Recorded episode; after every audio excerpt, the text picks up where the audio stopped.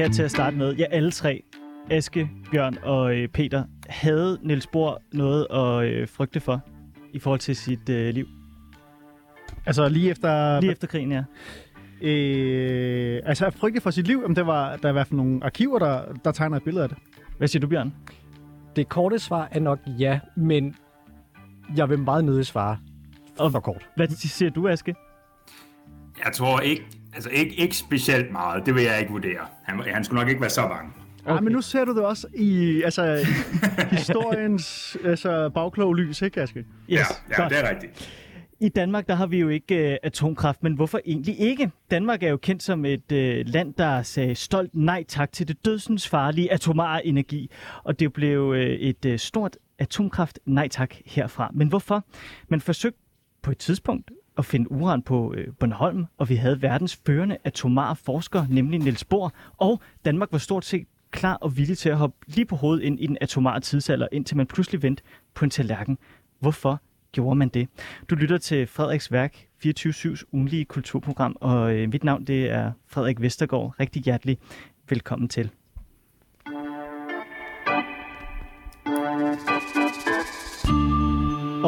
At nu er det jo mig en, øh, en særlig stor øh, glæde og fornøjelse, fordi jeg kan gøre noget nu, som jeg normalt sjældent gør, og det er, at jeg kan byde velkommen til tre historikere. Så det vil sige, at mig selv inklusiv, så er den historiske firkløver samlet i studiet.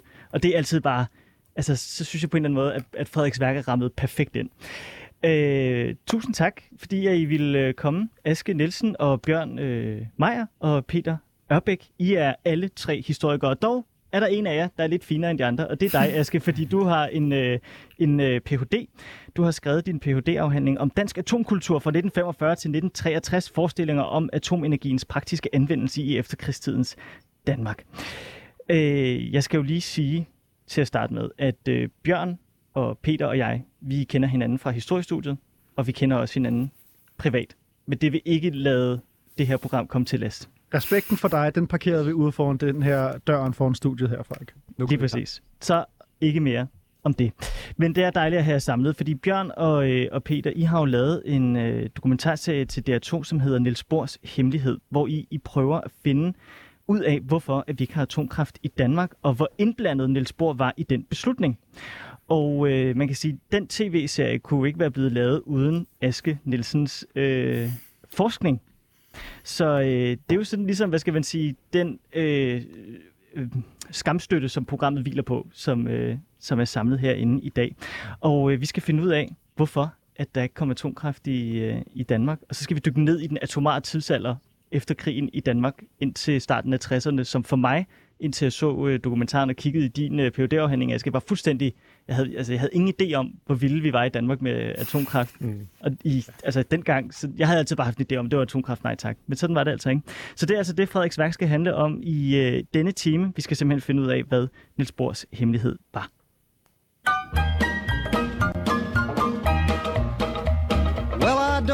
But I've been told uranium ore is worth more than gold. Sold my cad, I bought me a Jeep. I got that bug and I can't sleep. Uranium fever has gone and got me down. Uranium fever. Uranium Fever af Elton Britt. En rigtig banger. Et øh, nummer, som øh, viser, hvor glad man i hvert fald var for øh, atomalderen i, øh, i USA. Jeg har ikke lige kunne finde nogen danske sange, der synger Yay, uran. Har du det, Aske, i din forskning? Øh, nej, det har jeg faktisk ikke. Øh, det ved jeg faktisk ikke, om der findes rigtigt i Danmark på det tidspunkt i hvert fald.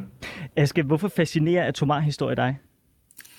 Det gør det jo flere årsager, men altså man kan sige, den, den meget, meget korte udgave af, at det, øh, det var uudforsket, og det var jo spændende. Øh, fordi som du også sagde, det er jo sådan set en, en historie, som indtil for ganske, ganske nylig sådan set ikke har været belyst historisk overhovedet. Altså man har slet ikke vidst noget om, hvor stor en fascination der egentlig var af atomenergien og atomteknologien i efterkrigstiden. I Så Danmark. det var jo, det var jo, ja, det var jo spændende bare at begy- begynde på. Hvorfor fascinerer det jer, Bjørn og Peter? Øhm, altså, jeg tror... Bjørn? Øhm, jeg tror, at det som, det som i hvert fald for mig øh, fuldstændig springer i øjnene, det er lidt det samme, som du også siger det her med, at altså lige pludselig, når du åbner den her bog her, eller når du åbner det her kapitel i dansk historie, så er det for rigtig mange mennesker et totalt tomt kapitel. Men så snart, at du bare lige begynder lige at grave en lille smule i det, så viser det sig, at det er jo en hel verden, altså som nærmest er altså, u- altså udforsket. Og, øh, og det var bare for sindssygt.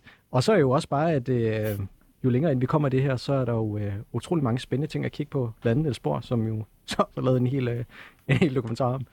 Hvad med dig, Peter? Jamen, jeg er fuldstændig enig med Bjørn, og for den sags skyld også, øh, også Aske. Øh, Jeg synes, Aske siger noget meget interessant, når han påpeger, at det var meget... Øh, Øh, altså, det, det var ikke noget, der var forsket så meget i. Det var ikke noget, der var gjort... Der, vi havde ikke kigget så, så, så meget på det. Øh, og, når jeg, og når jeg siger det, så mener jeg, at danskerne i høj grad synes, at øh, at en atomar fremtid var, var super interessant lige efter en verdenskrig. Ikke? Altså, øh, og at vi levede i det her, som Aske har introduceret mig til, den her straight-up atomkultur. Mm. mm. Øhm, og, og alene det begreb atomkultur, det synes jeg var super interessant, fordi så havde jeg faktisk lige pludselig et ord for det, som Bjørn beskriver. Netop at der var en gang, hvor danskerne syntes, at det her var super interessant. Men jeg tror, at vi har på en eller anden måde fortrængt det øhm, i skyggen af atomkraft. Nej tak. Ja. Øh, og det kan vi komme tilbage til, sådan perspektiver af det og sådan noget. Øh, men det synes jeg bare er super interessant, for jeg havde en forestilling om, at vi som danskere, min mor og min far og min bedstemor, bedstefar og oldemor og oldefar, alle sammen har bare været, ah, nej tak, det er sgu ikke noget for os. Og så, så kommer Aske øh, med sin PhD og viser, at det passer bare ikke. Altså, der var, der var en gang, hvor det gav, det gav rigtig god mening, at vi skulle snakke seriøst om atomkraft i Danmark lige efter 2. verdenskrig. Og hele den kultur, det fodrede, det synes jeg er super interessant.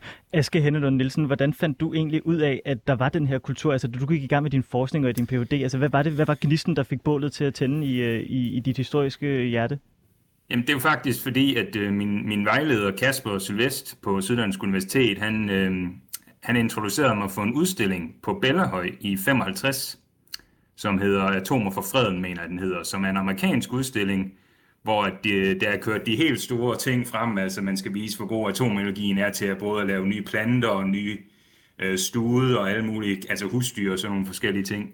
Altså, man skal bruge atomenergi til at lave altså, køer, eller hvad hedder det? Ja, stude? Heste? Ja, altså simpelthen forbedre igennem at bruge atomteknologien til at forbedre fremavling af bedre dyr. Okay. Altså, ja, altså enten sådan direkte ved at bestråle dem, eller ved at bruge radioaktive isotoper til at finde ud af, hvordan, hvordan fungerer de, hvordan kan vi optimere det her. Øh, og det var helt udforsket. Det var, der var der ikke nogen, der beskrev i den danske forskning, stort set.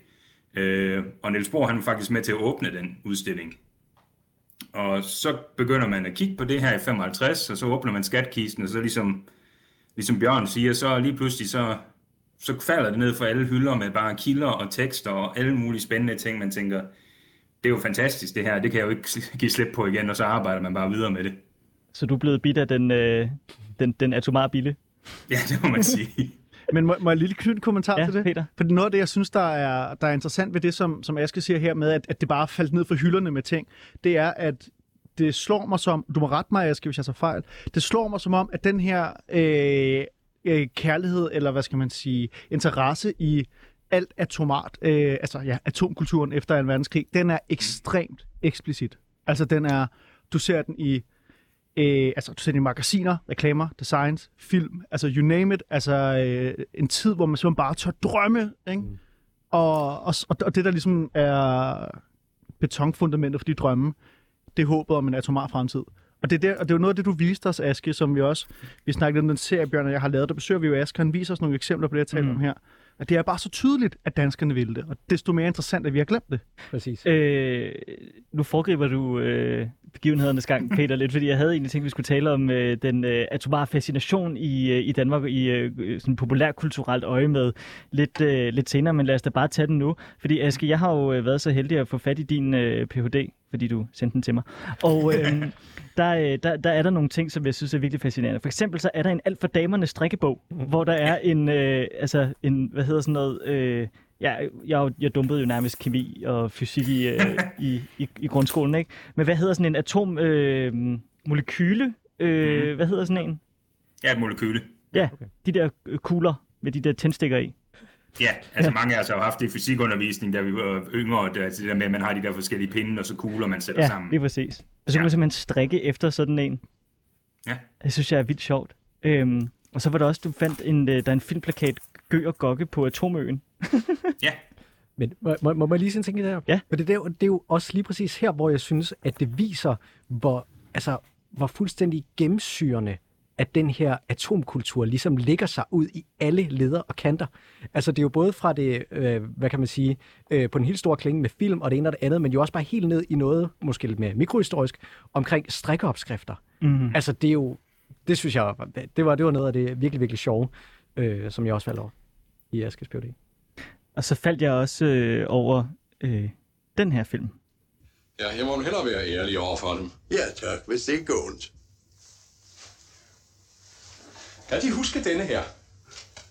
Så tager han en kæmpe sten Den har frem. de med Det- hjem derude Det fra. Nå ja, jeg synes, den så snorrig ud. Åh, der er masser af det bræs derovre. Det er vel og noget. Jeg har selv troet til samme, indtil jeg for nylig havde besøg af en mineingeniør, der oplyste mig om, at det var uranit. Uranit, hvad er det? Noget, som ikke mindst atomforskere er stærkt interesseret i. Atom, fy for fanden, den springer vel ikke i luften. Nej, hvor dog. Nå, og nu vil de gerne have fat i mere af det der. Ja, og jeg havde tænkt mig, at de skulle hjælpe mig til det. Ja, de skal naturligvis ikke gøre det gratis. Nej, det har jeg heller ikke tænkt mig. Som jeg bemærkede før, jeg er jo ikke evnesvag. Det her det var fra det danske lystspil Styrman Carlsen fra 1958, hvor det overordnede mål i filmen det er at finde den i godsøjne lysegrønne ø, og så fragte uranit hjem. Øh, og den film, den tror jeg lige, vi vender tilbage til et par gange i løbet af, af udsendelsen her. Men, men, men Bjørn, det her med, at man laver et dansk lystspil, Ja. Hvor at et af, der, der foregår mange ting i den her to timers øh, lange film, men øh, hovedformålet er, at de skal finde uranit, mm. og den er fra 58. Hvad siger det om danskernes forhold til atom? Øh, fascination på det tidspunkt. Altså man må i hvert fald sige, som jeg også sagde lige før, øh, at det, det viser jo om noget, altså hvor, hvor bredt øh, atomkulturen ligesom var. Altså det er jo, det er jo nærmest, jeg, jeg, hvis skal vi helt ærligt, så tror jeg faktisk nærmest, det er svært at tale om 50'erne uden at tale om atomkultur. Altså, og det her, det, det gennemsyrer det hele, og det gør det jo lige præcis, den her film her. Og, øh, og som Aske også sagde før, altså det er jo den her fascination, og også den her... Øh, altså, øh, øh, undskyld mit dansk, hvad fanden kan det? Mm. Altså, øh, og det er jo også det, som, øh, som vi også ser i filmen her, øh, at øh, de rejser ud for at finde det uranit, og, øh, og de ved jo ikke rigtigt, hvad det, skal, hvad det skal bruges til, og så vidt jeg husker så i filmen, det bliver aldrig mere konkretiseret andet, end at det er noget, atomforskere skal bruge. Men hvad fanden på et tidspunkt, hvor Clara Østø, hun synger øh, og, øh, og en sang om, hvorfor hun ikke vil have... Nå, ja, det er rigtigt. Og Det- så og det- siger det hun er også på et tidspunkt til, at, øh, at det skal bruges til bomber og så videre. Ja. Men det klip vender vi tilbage til. Yes, så fint. Aske, i din phd afhandling der skriver du, at der er øh, sådan et før og efter Hiroshima, når vi taler øh, fascination af atomkultur. Prøv lige at oprise det øh, for alle os øh, uindvidede. Ja, jamen altså, øh, det kan man også sige, det er også noget af det, jeg så arbejder med i min, min nuværende stilling, øh, blandt andet med, med professor Maria Rentazzi, som er min chef nu hernede, i, øh, øh, hvor jeg arbejder. Og øh, man kan sige, der er sådan en ret stor forskel i, at der er en meget klar fascination af, hvad kan radium, hvad kan det radioaktivitet, hvad kan de her røntgenstråler, som begynder at blive brugt inden for medicin og nogle andre formål. Øh, så man sådan også har en meget stor fascination af, der er nogle, øh, min, grund til også, de nævner min chef, der hun fortalte om, at øh, man har simpelthen solgt radiumvand, altså vand med radium i det, til øh, kvinder, der gik i overgangsalderen.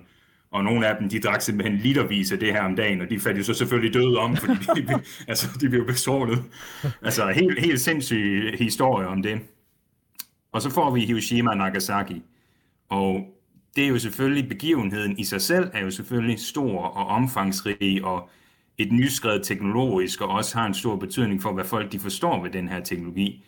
Men endnu mere end det er det jo selvfølgelig også, fordi nu har man jo ligesom løst nogle af de her teknologiske udfordringer, der var med atomspaltningen. Så nu bliver den ligesom meget mere konkret, den her teknologi. Det er noget, man faktisk skal forvente. Det er ikke inden for 10 år, 20 år, 30 år. Det er nu, den her teknologi er her. Vi bliver nødt til at forholde os til den også. Så øh, hvad skal vi sige, er der en, en idé om inden Hiroshima og Nagasaki, om at atomenergi kan bruges, øh, eller atomkraft kan bruges positivt, og så ser vi, hvad den kan bruges til i krigens øje med, og så efter krigen, så har man et helt andet syn på atomkraft. Der har været forestillinger omkring, hvordan man kunne bruge atomenergien faktisk helt tilbage fra slutningen af 1800-tallet. Jeg mener, det er H.G. Wells, der har en bog, hvor at, øh, han faktisk mere eller mindre beskriver atombomber. Om det så lige er i 1910 eller starten af 1900-tallet, det kan jeg ikke lige huske deromkring. Øh, så der har faktisk været idéer allerede om atombomber siden altså så tidligt. Men der har også været de her fredelige tanker. Der har også været i tanker om, jamen i fremtiden kan vi have atom... De brugte ikke ordet atomkraftværker, men de brugte ordet atomenergien til at producere kraft, så vi kunne altså, få nærmest uendelig energi og til gavn for samfundet, og alle de her helt vildt fantastiske ting, som jo så lige pludselig bliver meget mere konkrete efter Hiroshima og Nagasaki. Peter Ørbæk, hvordan tænker man om atomkraftens muligheder i Danmark efter krigen? Er det så også i forhold til at udvinde våben, eller er det i forhold til det fredelige formål, når vi nu har atomfysikernes fader Niels Bohr i vores hovedstad? Jeg er faktisk lidt i tvivl om, hvor meget danskerne kan skelne mellem, og det, det nu spørger jeg, altså, kan skelne mellem det fredelige og det militære. Øhm, det er lidt i tvivl om, faktisk. Men der er helt sikkert en, og det kan vi spørge Asger om lige om lidt, men der, der er helt sikkert en, øh, øh, du skal forestille dig, at Danmark er et øh, ressourcefattigt land. Ja. Ikke? Og øh, i øh, 1945, når Niels Bohr vender hjem, Mm. så Fra USA, hvor han har arbejdet på atombomben. hvor han har arbejdet på atombomben på Manhattan-projektet. Mm. Ikke? Øhm, da Niels Bohr vender hjem fra det, så har danskerne godt fundet ud af, at det var det Niels Bohr, han lavede derovre. Niels Bohr har været med til at udvikle bomben. Ikke? Men danskerne har også lige været igennem fem år med øh, en, altså straight up, der var ikke energi til folket, vel? Altså sådan mm. kul, tørv, alt det der, sådan, der var ikke nok. Nej, rationering. Tænk så, hvis at den førende forsker i verden, han kan komme hjem og kan hjælpe os med, at vi ikke skal slide os selv ihjel, fordi vi kan få atomkraft. Den forestilling er nem at købe ind på. Mm. Og du må ret, hvis jeg så fejl, Aske, men det er den, jeg tror, der er rigtig mange danskere, som der abonnerer på. De, ja, altså de abonnerer meget på... Ja, jamen det er jeg helt enig med dig i, Peter, fordi det er den der med, at det bliver, man kan sige, det er endnu mere konkret i Danmark på den måde forstået, at vi netop har bor.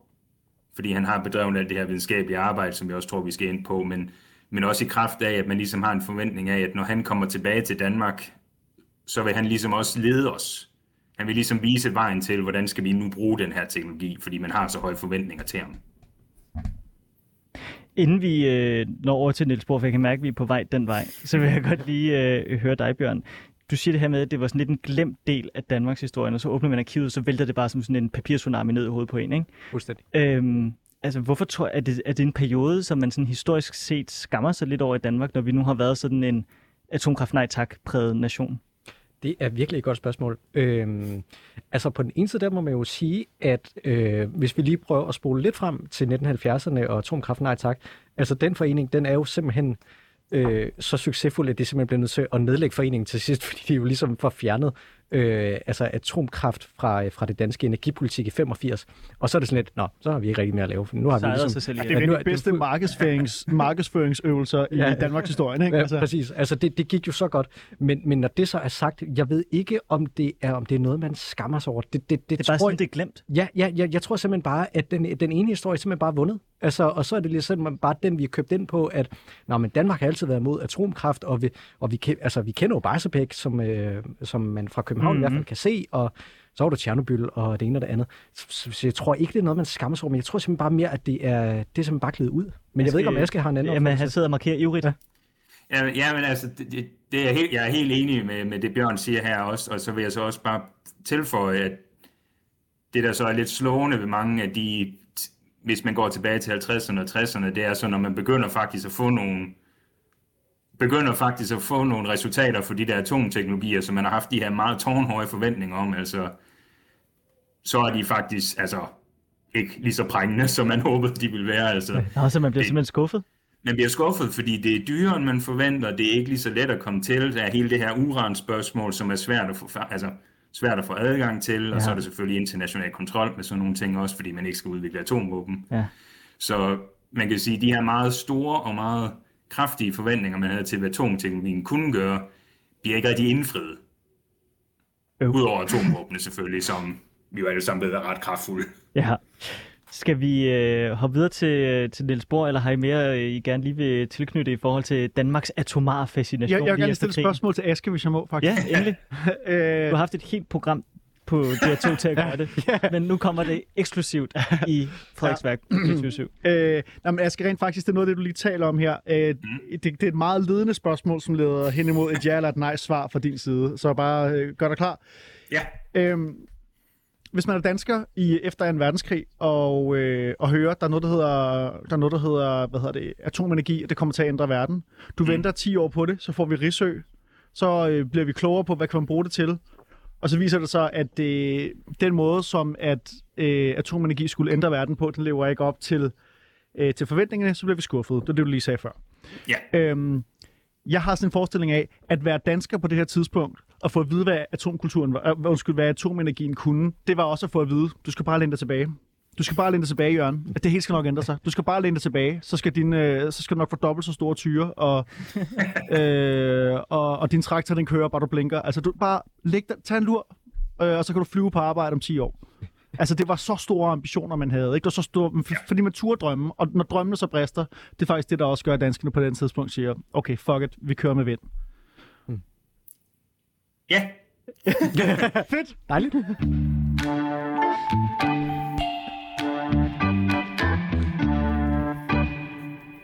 Hvad drejer sagen sig om? Jeg forstår du, det er en ren bagatelle. En lille morsomhed. Det er sådan en slags sten, der skal findes her på øen. Ikke, Carlsen? Ja, ja, ja, det er sikkert ikke spor værd. Nej, nej, nej, nej, men vi kunne måske få lidt penge ud af det, hvis vi kunne få sådan en slags eneret til at hente en lille ladning af det i ny og næ. Hvad skulle de sten bruges til?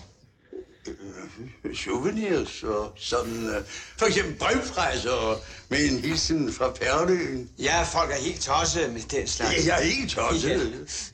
folk er helt tossede ved den slags. Jeg synes, den her scene, den øh, illustrerer meget fint det her, øh, som, som øh, både det, du beskriver i din øh, PhD-afhandling, Aske, men også det, som øh, man kan se i jeres program, øh, Peter og Bjørn, det, Niels Bohrs hemmelighed, det er det her med, øh, man prøver at få nogle råstoffer, uran, man vil ikke helt sige, hvad det skal bruges til. Så jeg synes på en eller anden måde, at de uden selv, at, at filmen Styrman Carlsen er klar over det, faktisk udlægger hele problematikken meget fint.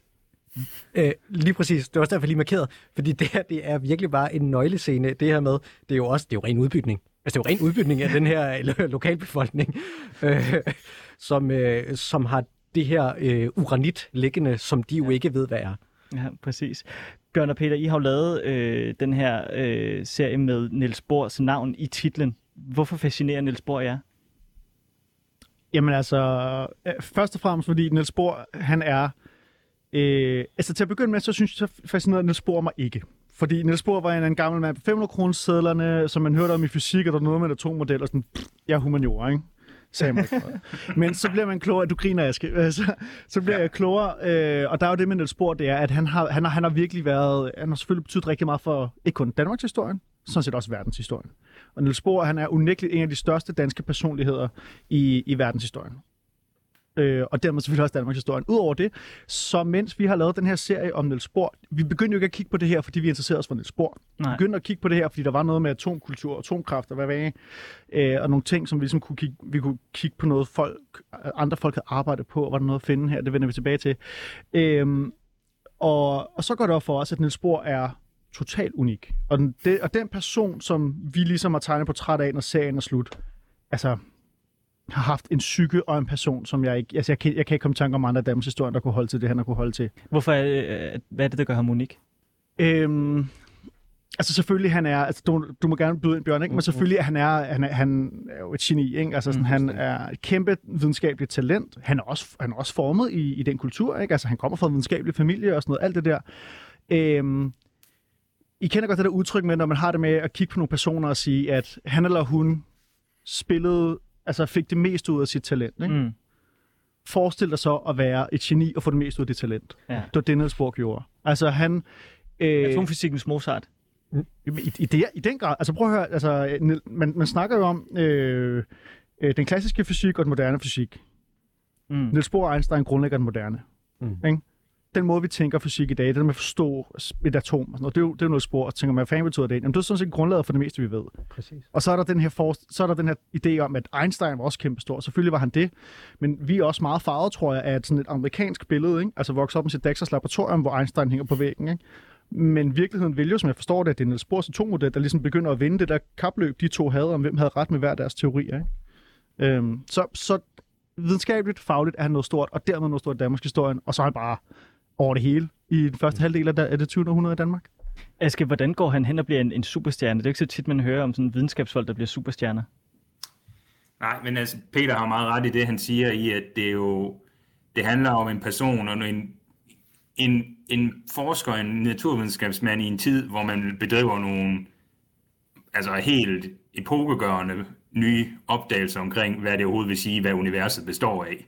Og det er han jo en af de første, der er med til at gøre. Altså, det, det, det, det er jo svært at underkende, hvis man er en af dem, der faktisk beskriver, hvordan hele universet er opbygget. øhm, og så er han jo også god, og det skal man også huske på, han er jo faktisk også øh, rigtig, rigtig god til at det kommer vi nok måske også ind på, men han er jo faktisk rigtig god til at have gode samarbejder med alle mulige folk omkring på hele, altså på hele planeten. Det må du gerne det er bare komme ind på nu. amerikanere og så videre. Så han har jo også markeret sig selv inden for det her videnskabelige miljø som en af de store, en af de største måske endda. Ja, fordi noget, som øh, I lægger vægt på i serien, Bjørn og Peter, det er også, at han ligesom står for sådan en, en, en helt afsindig transparens. Ja. i, øh, i, i, i sådan vidensdeling inden for, øh, for videnskab. Er det normalt på det her tidspunkt, eller vil man gerne holde sine, sine gode resultater for sig selv, Bjørn? Altså man kan jo sige, at generelt inden for forskning, øh, altså så er det jo selvfølgelig peer review, altså selvfølgelig, at du lægger din forskning ud, og så må andre kommentere på det, og, eller komme med et, et genmæld eller modsvar. Og det er, det, jo, det er jo ligesom det, der er konsensus omkring, hvad forskning er. Og det er det også, bare ikke lige præcis, når det kommer til atomforskning. Nå, Der er der lidt nogle andre regler.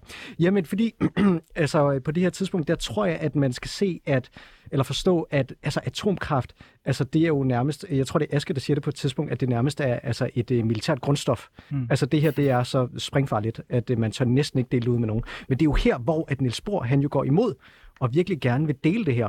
Og altså ret tidligt under 2. verdenskrig, der, der kan han jo øh, på sin vis gennemskue, at for at sikre en varig fred, så er vi simpelthen nødt til at åbne op og ligesom at sige, vi har det her, hvad har I?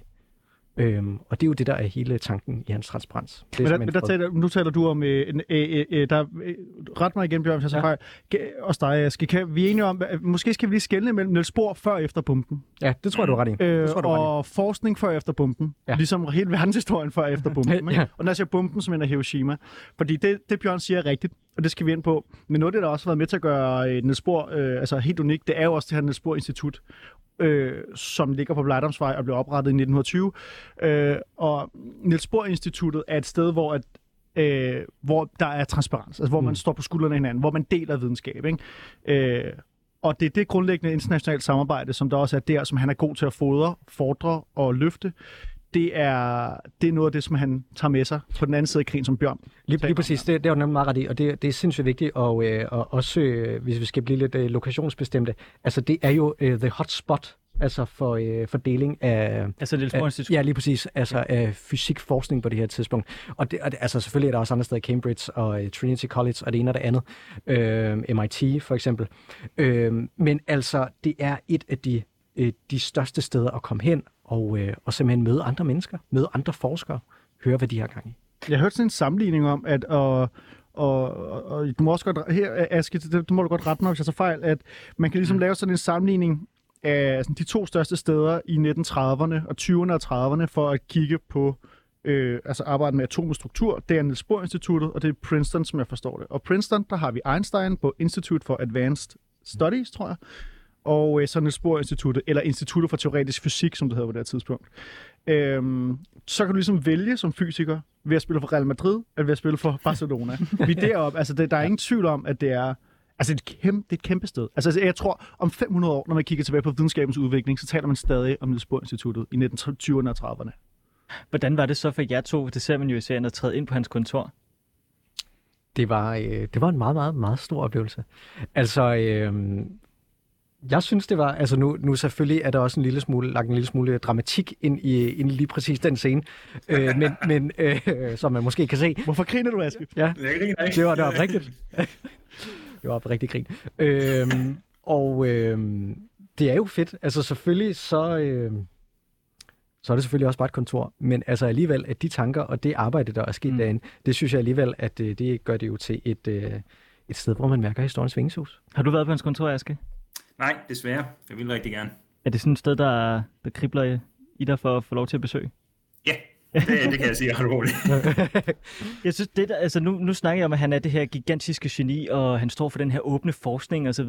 Aske, er, er Niels Bohr den første til at gøre det her med at lave så åben øh, et, et forskningsmiljø og skabe sådan et, øh, et internationalt øh, vidensdelingscenter, sådan rent øh, øh, ja, øh, øh, atomfysisk? Øh? Det, det, jeg er ikke lige ekspert lige specifikt på det område, men altså, der er ingen tvivl om, at det er et af stederne, altså hvis, hvis du snakker om i mellemkrigstiden, hvor bedrives der nok noget af det mest sådan, største ny, altså grundforskning på planeten, så er det jo nok i København på, ja, som Peter også siger, altså te- Institut for Teoretisk Fysik, som alle bare kaldte Niels Bohr Instituttet, indtil det så faktisk blev omdøbt til Niels Bohr Instituttet i 60'erne. Men Aske, så kommer vi jo så ind til, øh, til, til titlen på, øh, på programmet, fordi sådan, som ja. jeg kan forstå det, så finder du ud af noget, mens du skriver dit Ph.D.-projekt som Pia, Bjørn og, øh, og Peter, eller er det den anden vej rundt? Altså, jeg, jeg, har ikke, jeg har ikke fundet ud af det, kan man sige. Det er, det er Henrik Knudsen og Henrik Nielsen, som har skrevet en øh, virkelig dybtegående bog om, om det. Øh, men, men jeg kan sige, at jeg bygger videre på dem, ligesom, ligesom Peter sagde, man bygger videre på skuldrene af de forskere, der var før en. Øh, hvor det der er ret tydeligt at se, og når man begynder at kigge stort set alle steder, der har noget som helst med bor- og atomenergien at gøre, frem til der midten 50'erne, det er det er ret tydeligt, at der ikke er nogen initiativer, der kan tages uden bor, og de initiativer, der prø- forsøges at tages med bor involveret, de bliver ret hurtigt altså stoppet. Peter? Men, øh, jeg vil bare give, øh, give Aske ret, øh, og jeg sørger for ligesom at få bekræftet og nævne, at, at vi, Bjørn og jeg skylder en kæmpe stor tak til øh, hvad hedder det, øh, Henrik Nielsen og Henrik Knudsen, der bliver nævnt her. Øh, Henrik Nielsen er fysiker, som kigger meget på fysikkens historie i Danmark, og Henrik Knudsen, som er historiker hos Rigsarkivet, har skrevet forskellige ting, som der ligesom ligger op til alt det her. Og, Øhm, og det er rigtigt. Det som, øh, det, som de har arbejdet med, det som de har kigget på, øh, er det, som vi falder over og begynder at undersøge. Øhm, så vi skylder, det er bare lige så, der er lige helt, helt klart linje, det er... Det, ja. Og Niels Bohrs hemmelighed, den øh, bygger sig jo især på, at han har øh, været en tur til, øh, til USA. Så jeg synes lige, vi skal prøve at hoppe, øh, hoppe over Atlanten og tale om hans tid derovre.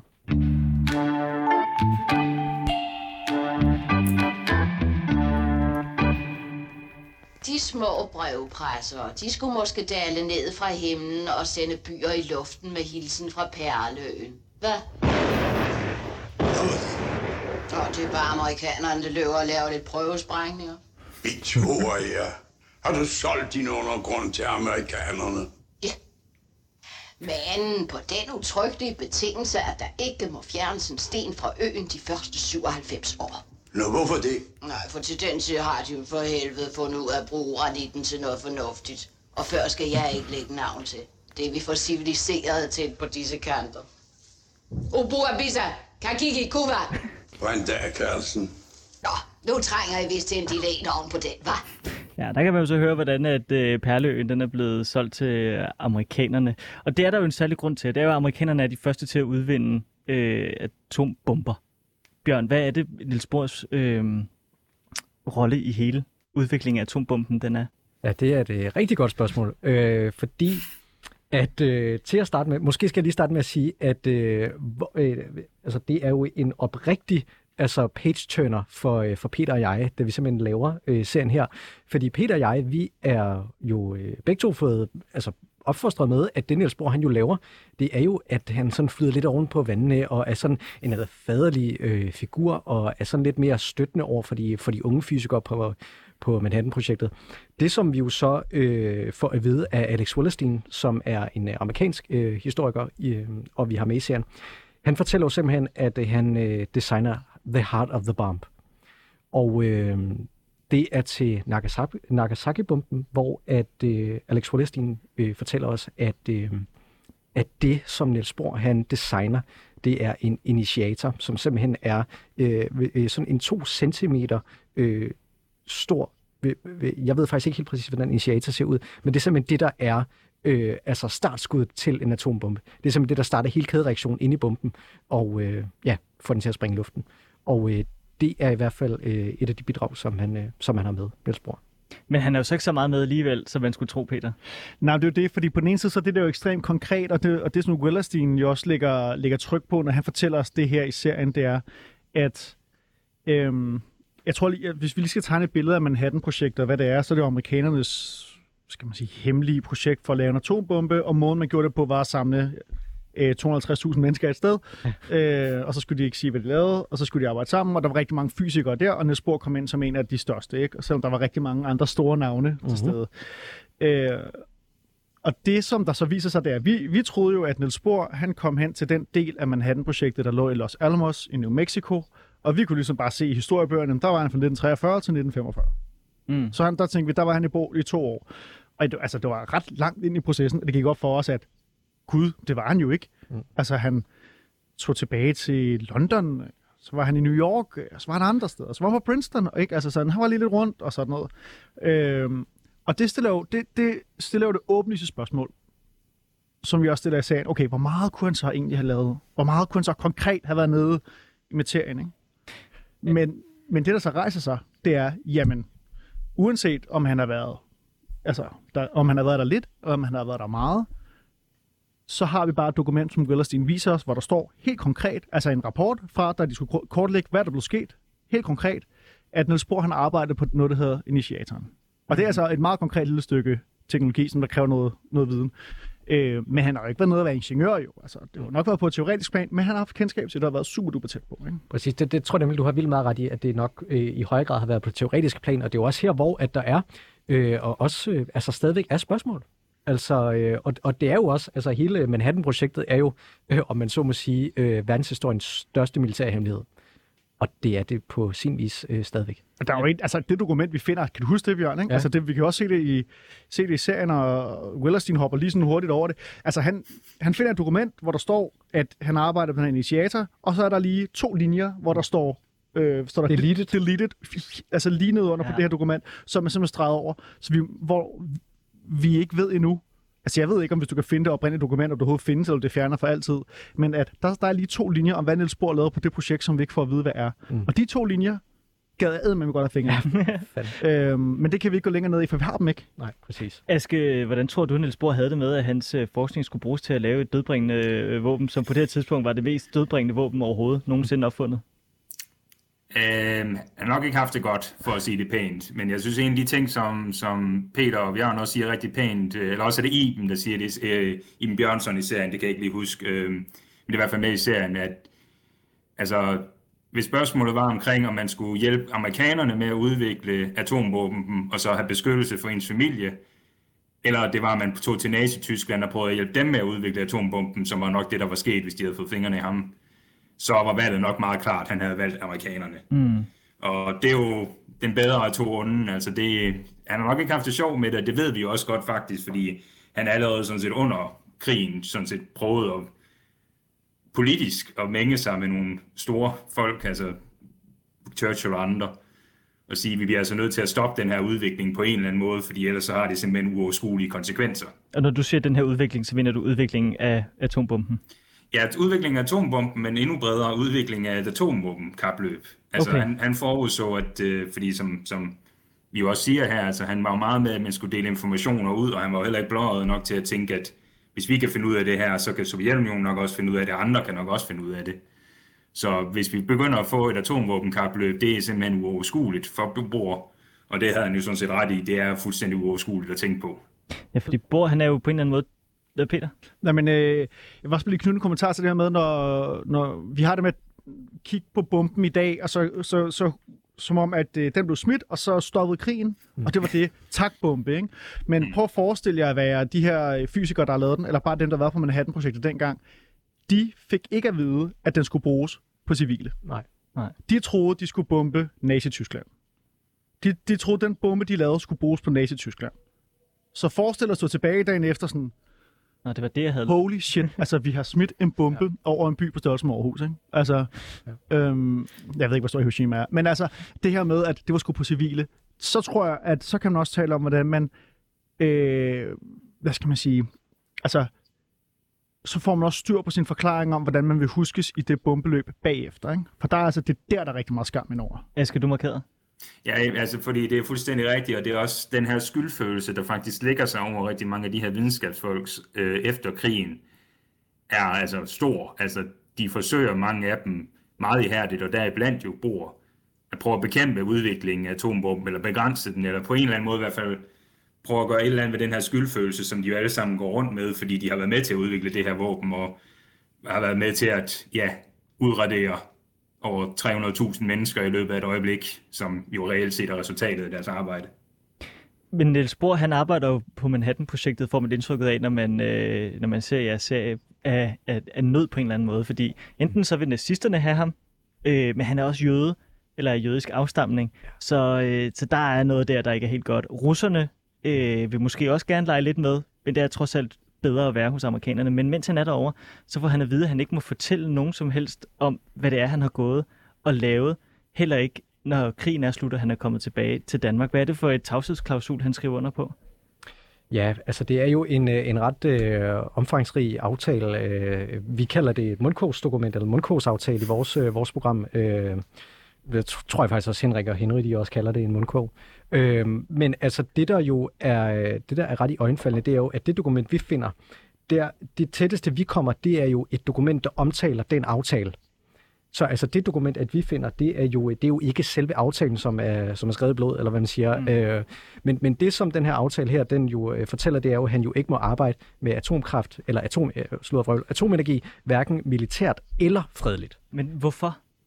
Ja, altså jeg, jeg, jeg tror igen, at man skal kigge på og, øh, og prøve at forestille sig, at atomenergi på det her tidspunkt, det er så fremtidsagtigt, og man har indtil videre kun set det som bomber. Så altså, jeg, jeg tror simpelthen, at man, øh, man skal forstå, at amerikanerne har simpelthen været bange for, at den her nye energi, eller den her nye øh, form for... Øh, øh, for viden, som de her lige pludselig har fået hænderne. Altså, vi, vi, vi kan simpelthen ikke styre det. Altså, vi er simpelthen bange for, at, øh, at, øh, at folk kommer til at bruge det forkert, eller får det, øh, det falder i forkerte hænder på det her tidspunkt, selvfølgelig russerne. Øh, og så er der jo selvfølgelig også en del af det, som jo også bare er, at øh, amerikanerne vil jo gerne øh, ja, simpelthen vise hold, opre, opretholde monopol, som simpelthen er, at det kun er amerikanerne, der har det våben her. Ja. Peter, du markerer. Ja, men det er netop, som nu, øh, Bjørn kom ind på det nu, det her med at opretholde et, et monopol på uran i hvert fald også. Ja, præcis, præcis. Altså, at øh, der er en masse politiske ting, som jeg tror, der ligesom betyder rigtig, rigtig meget her. Det første er jo, at Altså, det er åbenlyst. Det er, ikke, det er sgu ikke gratis at være med i verdens største militære hemmelighed nogensinde. Altså, mm. øhm, så det kommer fra en pris. Den pris, det er så den her mundkurv. Ikke? Nummer to. Øh, ja, USA vil have en øh, monopol på uran. Det er, det er meget sådan åbent, det ved vi i dag. Og det var også en af opgaverne, som chefen for øh, Manhattan-projektet fik, Leslie Groves. Øh, du skal sørge for, at al uran i verden, det skal tilfalde os, mm-hmm. altså den amerikanske stat. Øh, en måde at sikre det på, er ligesom at bede alle dem, der arbejder med uran i USA, når de kommer hjem, skal de ikke arbejde med uran, så er det nemmere at gøre det.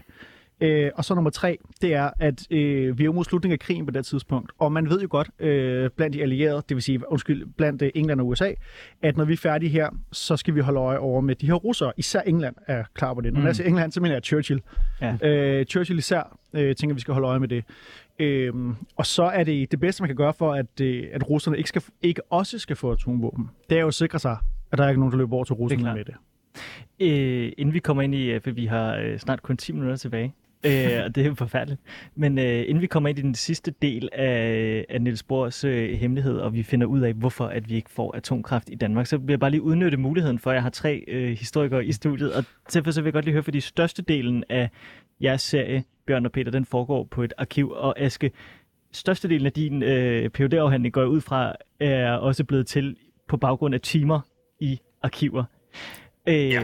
Jeg kunne godt tænke mig bare lige at dedikere to-tre minutter til sådan noget historisk metode. Det er jo, øh, det er jo altid dejligt.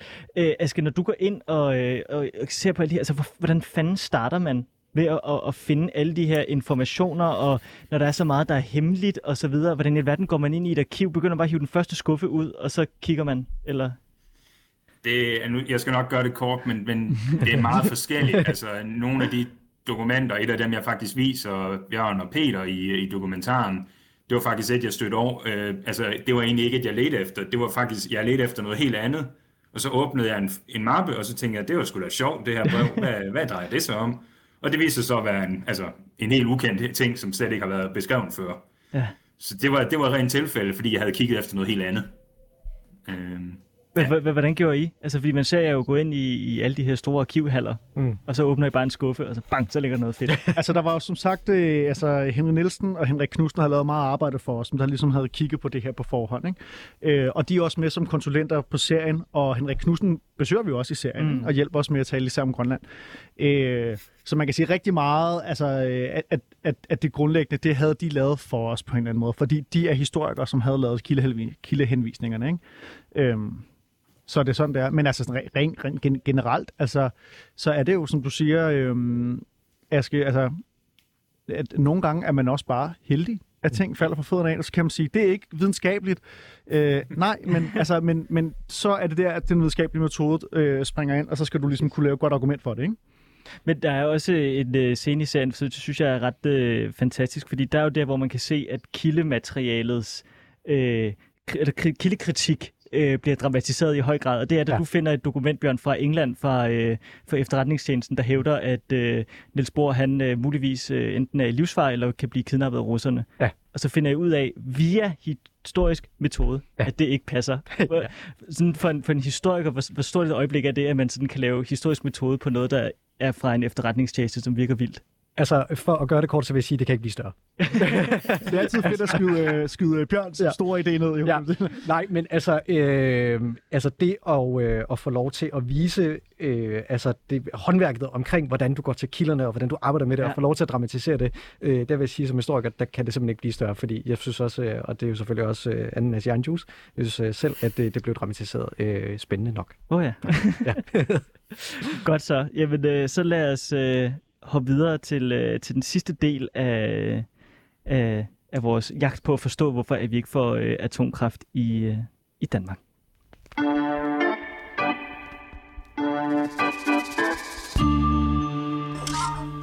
Kald mig bare en idealist. Jeg siger nej til enhver turist. Ja, de må gerne få lov at fjerne en souvenir eller to. Men undergrunden, den er og bliver min, hvor meget de så angiver. De kan tække, jeg sælger ikke, skulle ikke i større partier. For jeg vil leve, jeg vil dø for min lysegrønne ø. Så kan øst og vest for min skyld stille op i kø. Er lås for mit stakit. Ikke rør, hvad der er mit. Ikke før de klapper i og holder kæft. Og træt indtil da, så siger jeg nej. Hos mig regerer jeg. Jeg skal ikke stå model til deres juleleg. Jeg vil leve, jeg vil dø på mit lysegrønne ø. Så kan verden sejle i sin egen sø. Og det har været Danmarks motto i mange år. øhm, og sådan øh, fik vi altså Clara Østø til ligesom at, øh, at, uden at hun vidste, der i 58, s- at synge om, hvordan Danmarks forhold til øh, atomkraft det bliver for, øh, for fremtiden. Men Aske, der er jo en generel interesse i Danmark for, at vi får atomkraft, og man går også i gang med at lave øh, at at lede efter uran på, øh, på Bornholm, og, øh, og, og lige pludselig så stopper man med det her. Hvorfor gør man det? Hvorfor stopper man med at prøve at få atomkraft til Danmark? Altså, det har jo det har jo selvfølgelig mange grunde, men man kan sige, at den jeg synes er nok den primære grund, det er jo faktisk Bors død der i slutningen af 62.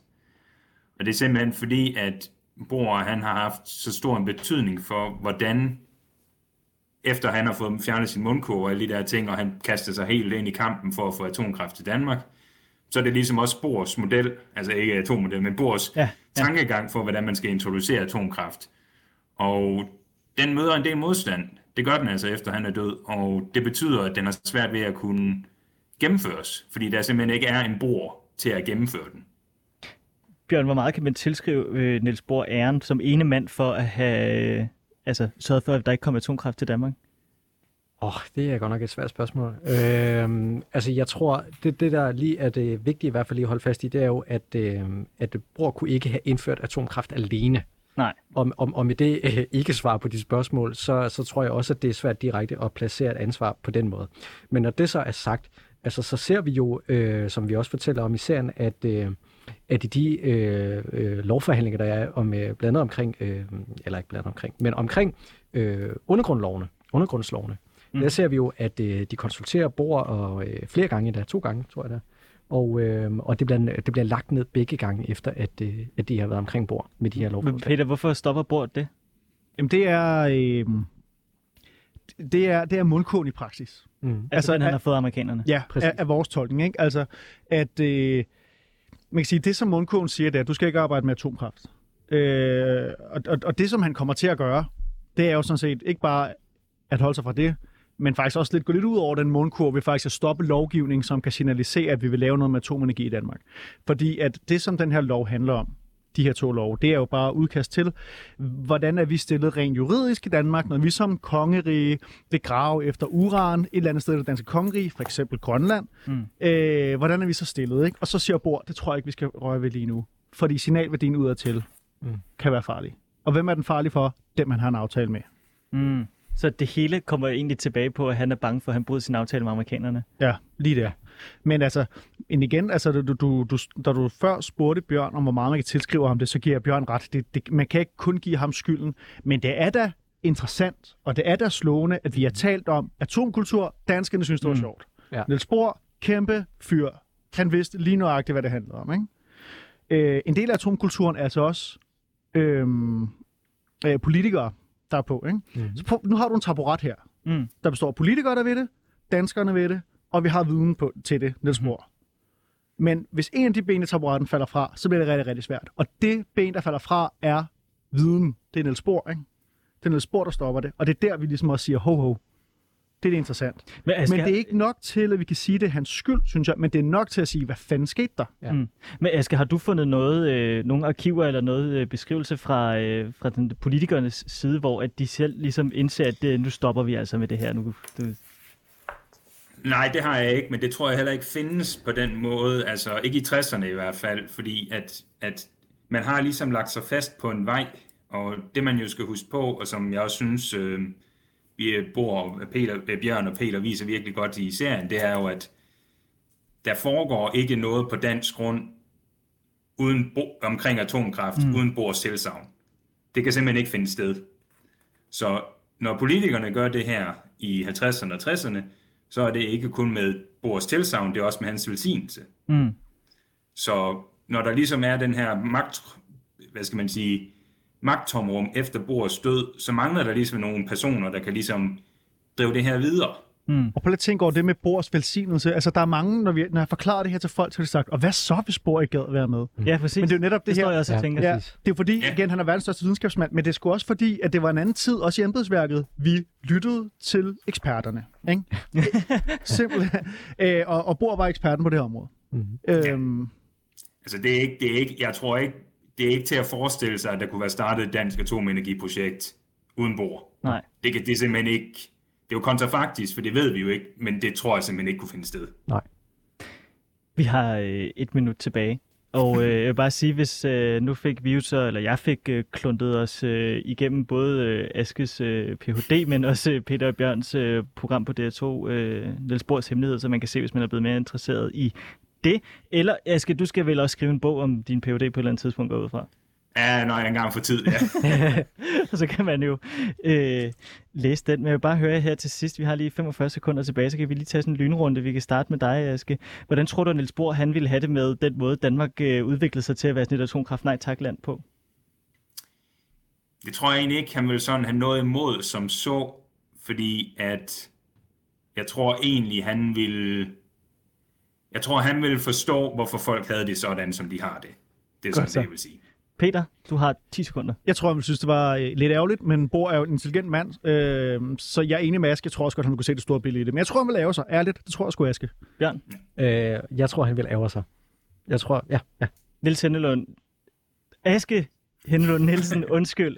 Og øh, Peter Ørbæk og Bjørn Meier, tusind tak, fordi I blev med i øh, Frederiks Værk. Jeg er tilbage igen øh, i næste uge kl. 16. Du kan skrive til mig på frederiksværk.dk. Det var alt for nu. Nu er klokken 18, og vi skal have nogle nyheder.